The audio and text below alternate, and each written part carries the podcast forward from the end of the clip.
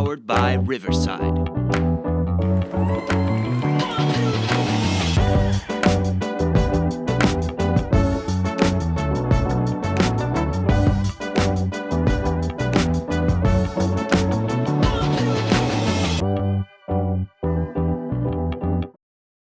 Ja, gutter. Velkommen til eh, andre episode i sesong tre av Ungborgingpodden. Ja. I dag så skal vi ta for oss eh, to temaer. Vi skal snakke om EBT-turneringa som gikk i Mora tidligere i desember. Og så skal vi snakke litt om Urutan og hva det har gjort med, med bowlingturneringene. ja, du var nå til stede i Sverige. Du spilte noe selv du, i den uh, turneringa. Mm, gjorde det. Eh, så, så først og fremst så vi skal vi snakke litt om det på grunn av at det, det var jo en nordmann som gjorde det veldig bra. Eh, og han er også ung, så det, det er riktig av oss å ta for oss det. Eh, men det var jo en del eh, nordmenn som var og spilte denne turneringen, altså FM Mattsson Christmas Tournament, som, går i Mora i Sverige. Tolv stykker var det med. stykker. Tolv stykker var det med. Det var noen flere som gikk videre også, tror jeg, så det er en bra norsk prestasjon. Ja, det var 95 spillere som deltok på EBD-turneringa, hvor det var 30 stykk som gikk videre på ordinært resultat, og så var det to stykk Early Bird og tre stykk fra Desperado. Eh, og det var kun da to nordmenn som gikk videre eh, fra innledende, det var jo da Mathias Danielsen Otting og Christer Aker. Eh, Mathias kvalifiserte på en 17.-plass eh, med 1376, og Christer Aker på en 24.-plass med 13.51. Ja. Så var det flere norske også som spilte ganske bra, men det er ganske høyt nivå i Sverige, så det skal mye til for å gå videre, iallfall i EBT-turneringen, der det kommer eh, utenlandske spillere også, i tillegg til svenske spillere. Ja, det, vi har jo eh, på en 35.-plass så er det jo Jenny Mathisen med 13.01, og jeg tror cutten ble 13.16, Ja, hvis jeg ikke husker feil, så da er det jo 15 pinner opp, og de 15 pinnene kunne man jo henta i løpet av seks serier. da var Magnus midt på 37. plass også, med 12,97, så det er ikke så veldig langt unna kuttene heller. Nei, det er jo 19 pinner, så Mm. det, det er veldig close. Eh, men eh, Mathias og Christer gikk jo da videre. Så er det sånn i nesten alle EBT-turneringer at, eh, at det går rett til finalesteg, eller final steps. Det er ikke sånn som mellomspill eller semifinale, som det kanskje er i vanlige norske turneringer. Eh, og i denne her turneringen så var det slik at topp ti gikk rett inn i finalesteg to, men det var jo da ingen av eh, nordmennene som kvalifiserte seg som topp ti, og da går de inn i finalesteg én. Og I motsetning til eh, Norwegian Open, der det er tre serier og hver finalesteg, så er det fem serier her. Da, så det er ganske mye bowling, og du må holde nivået jevnt opp bra for å komme deg videre oppover stegene. Mm. Og finalesteg én starta jo halv åtte på morgenen den søndagen. Ha det tidlig. Det er ganske tidlig, eh, og du skal da spille eh, fem serier. I finalesteg én så er det da 25 stykk som spiller, hvor eh, det er fem serier, og de kjemper alle om de ti plassene som går inn i finalesteg nummer to. Så da gjelder det å være topp ti, og på fem serier så ble da cutten på 1062. Eh, det ble en tung start på dagen for Christer. Han spilte 9.58 og ble nummer 21 Mm. i finaleserien, 1, men allikevel en sterk prestasjon. Det er mange bak. Ja, ja, det, det er mange som ikke går videre. Ja. Altså, Mathias på, kom på tredjeplass i finalesteget med 1111, som er en veldig bra score, som gjorde at han gikk videre til eh, steg to. I steg to så kom jo da de ti som var kvalifisert fra, først, eller fra innledende, inn, sammen med de ti fra finalesteg én. Eh, her er det da fem nye serier, og alle kjemper om ti nye plasser inn i finalesteg nummer tre. Mm. Eh, her var det da cutten, den eh, ble på 11.05. Eh, og Mathias eh, fortsetter jo godt spill også i det her finalesteget.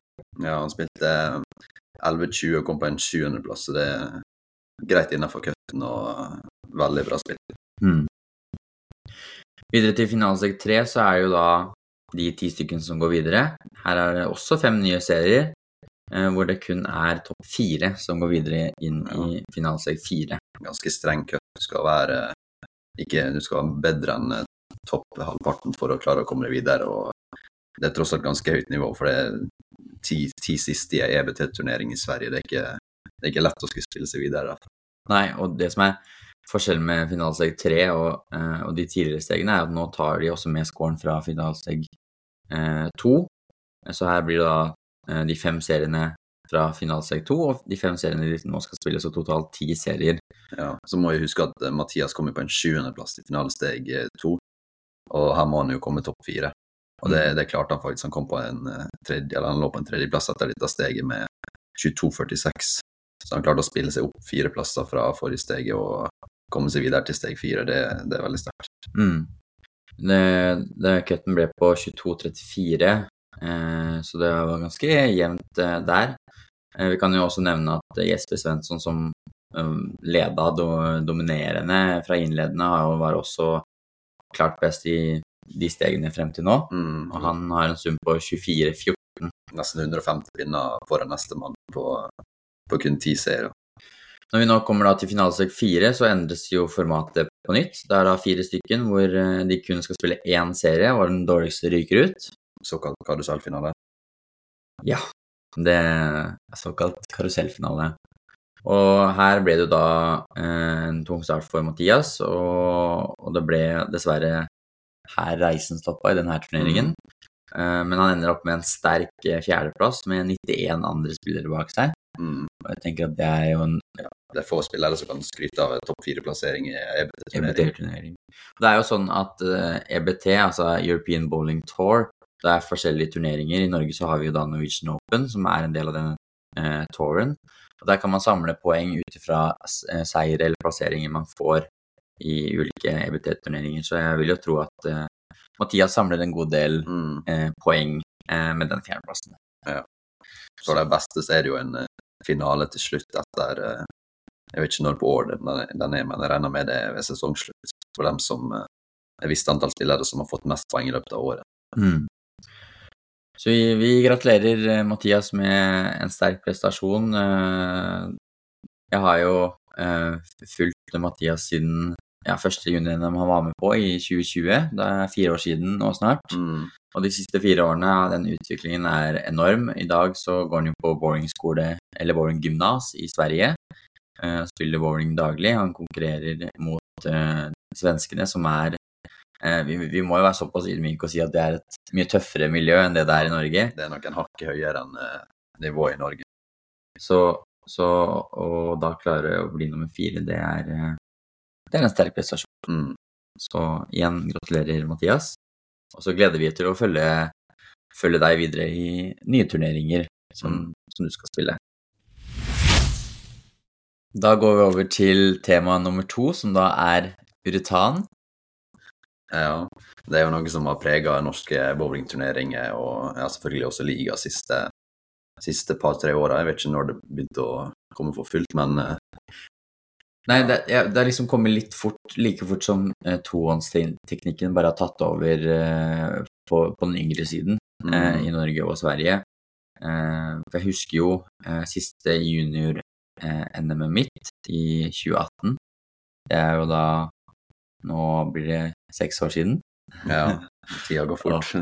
Men eh, eh, da husker jeg det ble gjort et intervju med Max Østberg, som er tohåndsspiller. Eh, han snakker da om eh, eh, eh, de få tohåndsspillerne som var med på Ja. NM-et.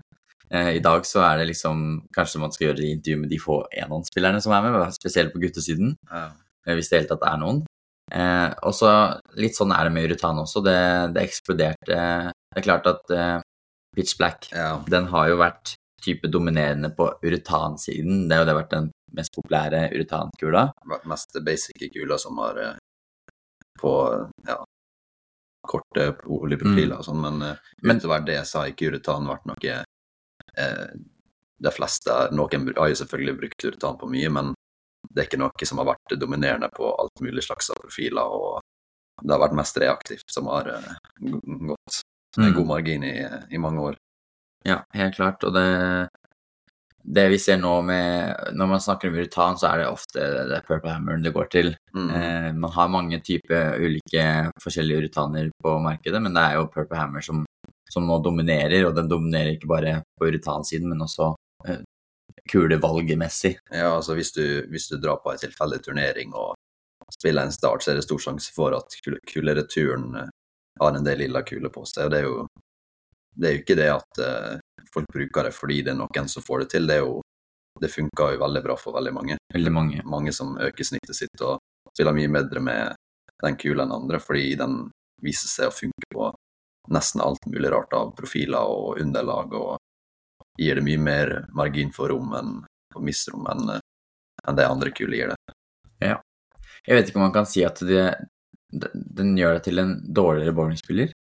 Fordi at man har råd til å, å misse litt mer. kan jo si det, for det, man vet at man kan misse en par staver høyere, og at det er ikke noe farlig. At man kanskje heller fokuserer på å holde farta si jevn enn heller at man skal treffe stav, samme stav hvert kast. At det er andre ting enn eh, presisjon som er det faktisk aller viktigste. Ja. Det er jo en ny, en annen måte å spille bowling på. Helt klart. Og det, og, og det som eh, Urutan har gjort nå, da, når det blir såpass eh, mange som bruker det, så, så forandrer det eh, spillingen, rett og slett. Det er Mm. sånn eh, et uttrykk i hvert fall som går her, eh, her på Østlandet, liksom Har du ikke, har du ikke utdannelse, så klarer du ikke å henge med, liksom. Eh, og ja, tilbake til turneringa i Mora, så var det Ja, jeg kan telle på i hvert fall én hånd eh, av de herrespillerne som eh, brukte reaktivt. Resten brukte uretan. Eh, jeg prøvde reaktivt sjøl, det funka til dels noen ganger, og ikke andre ganger. Og det er jo fordi at eh, man må krysse disse uretansporene. Eh, og det uretan gjør kontra en vanlig eller reaktiv kule, det er jo at den, den bare den suger, suger typ olje litt, den graver seg vei. Mm. Eh, Det er jo nesten på, på en måte motsatt av reaktiv, for reaktiv kule vil jo ta opp olje og gjøre at du må flytte venstre. mm, Og ofte hvis det er en sportsprofil, da, så kan det være vanskelig i starten, men hvis alle spiller med reaktivt på ca. samme sted, så kan du flytte venstre, og du vil ha spilt opp et spor da, som du spor, ja. spille mot, mens med uretan så er det litt motsatt. Da har du mye å gå på i, starten, fordi ja, da, da er det mye olje i banen, og det er det uretankuler liker, mens etter hvert så blir olja dratt ut, og det blir veldig eh, litt mer ustabilt og vanskeligere å få god sving på kula. Ja, altså uretanen, den på en måte ser for seg typ skuffe, liksom. Den bare tar med seg olja, lager en grop, liksom lager på en måte eh, Hva skal jeg si, ja? Flere Den- groper, og så tar den med seg olja, så olja blir lengre. Det er jo derfor man sier at hvis man står med reaktivt og krysser et uretanspor, så er det som om kula dauer, for den skal liksom over en haug, og så skal den hente seg inn igjen. Ja, reaktiv kule har jo, hvis du har kasta den og ser på den, så har den spor rundt hele kula etter olje, mens ei uretankule vil rulle over nesten det samme sporet hele veien. Så når den har fått olje på det sporet, så vil den fortsette å rulle over det samme sporet når oljeprofilen er slutt. Så da vil den legge fra seg olja den har tatt opp. For uretankullet trekker heller, til, heller ikke til seg olje. Da vil eh, olja bli dratt ned til gjerne etter der profilen skal slutte. Så blir det veldig glatt og hvis du spiller med reaktivt, da, så er det kanskje ganske vanskelig å få en stabil reaksjon. Da, da bruker i hvert fall folk uh, uretan. da. Jeg har et spørsmål, Gaute. Tror du at uh, at uretan har uh, ødelagt litt eh, for boringen?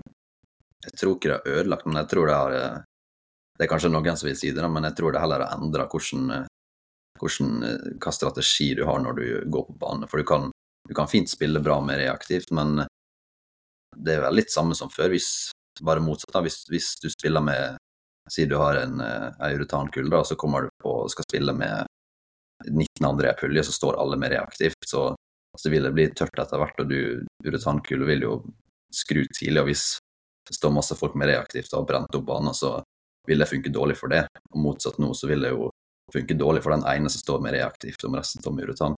Men Det funka jo ikke dårlig for deg, da, i den turneringen som var nå, hvor du var en av få som brukte uretan.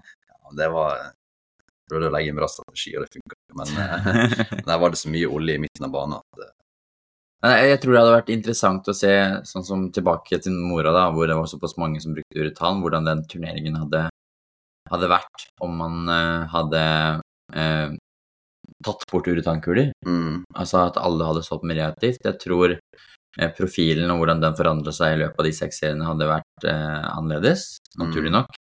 Men jeg tror også at utfallet av hvem som hadde kvalifisert seg, også kunne vært annerledes. Mm. Det var jo ei eh, turnering i, i Trondheim. Eh, no Eurotain Tournament det var vel i, i fjor en gang. Der var det jo ikke lov å spille uretan, og da er det jo mange som kanskje tenker at det er vanskelig å skåre så høyt, fordi det er jo uretan man, man spiller bra med i dag, men det viser seg at det, det går fullt an å spille høyt med reaktivt, og det, det vises på den turneringa. Mm. Men eh, problemet ligger i at når, når, det, når det er noen som spiller med uretan, og noen som spiller med reaktivt, så blir det ganske Da blir det litt eh, dårlig forhold for alle. Ja, så ser vi, vi ser jo flere og flere eh, nå Eurotain-turneringer, samt at PBA har jo nå eh, gjort eh, Urutan eh, Eller er det Purple Hammer ulovlig? Jeg er ikke sikker, men jeg tror kanskje det er Urutan, ja. Urutania. Men det er jo, det er Eh. jo mange merker som har prøvd nå å lage kuler som skal eh, etterligne Urutan. Men det funker ikke.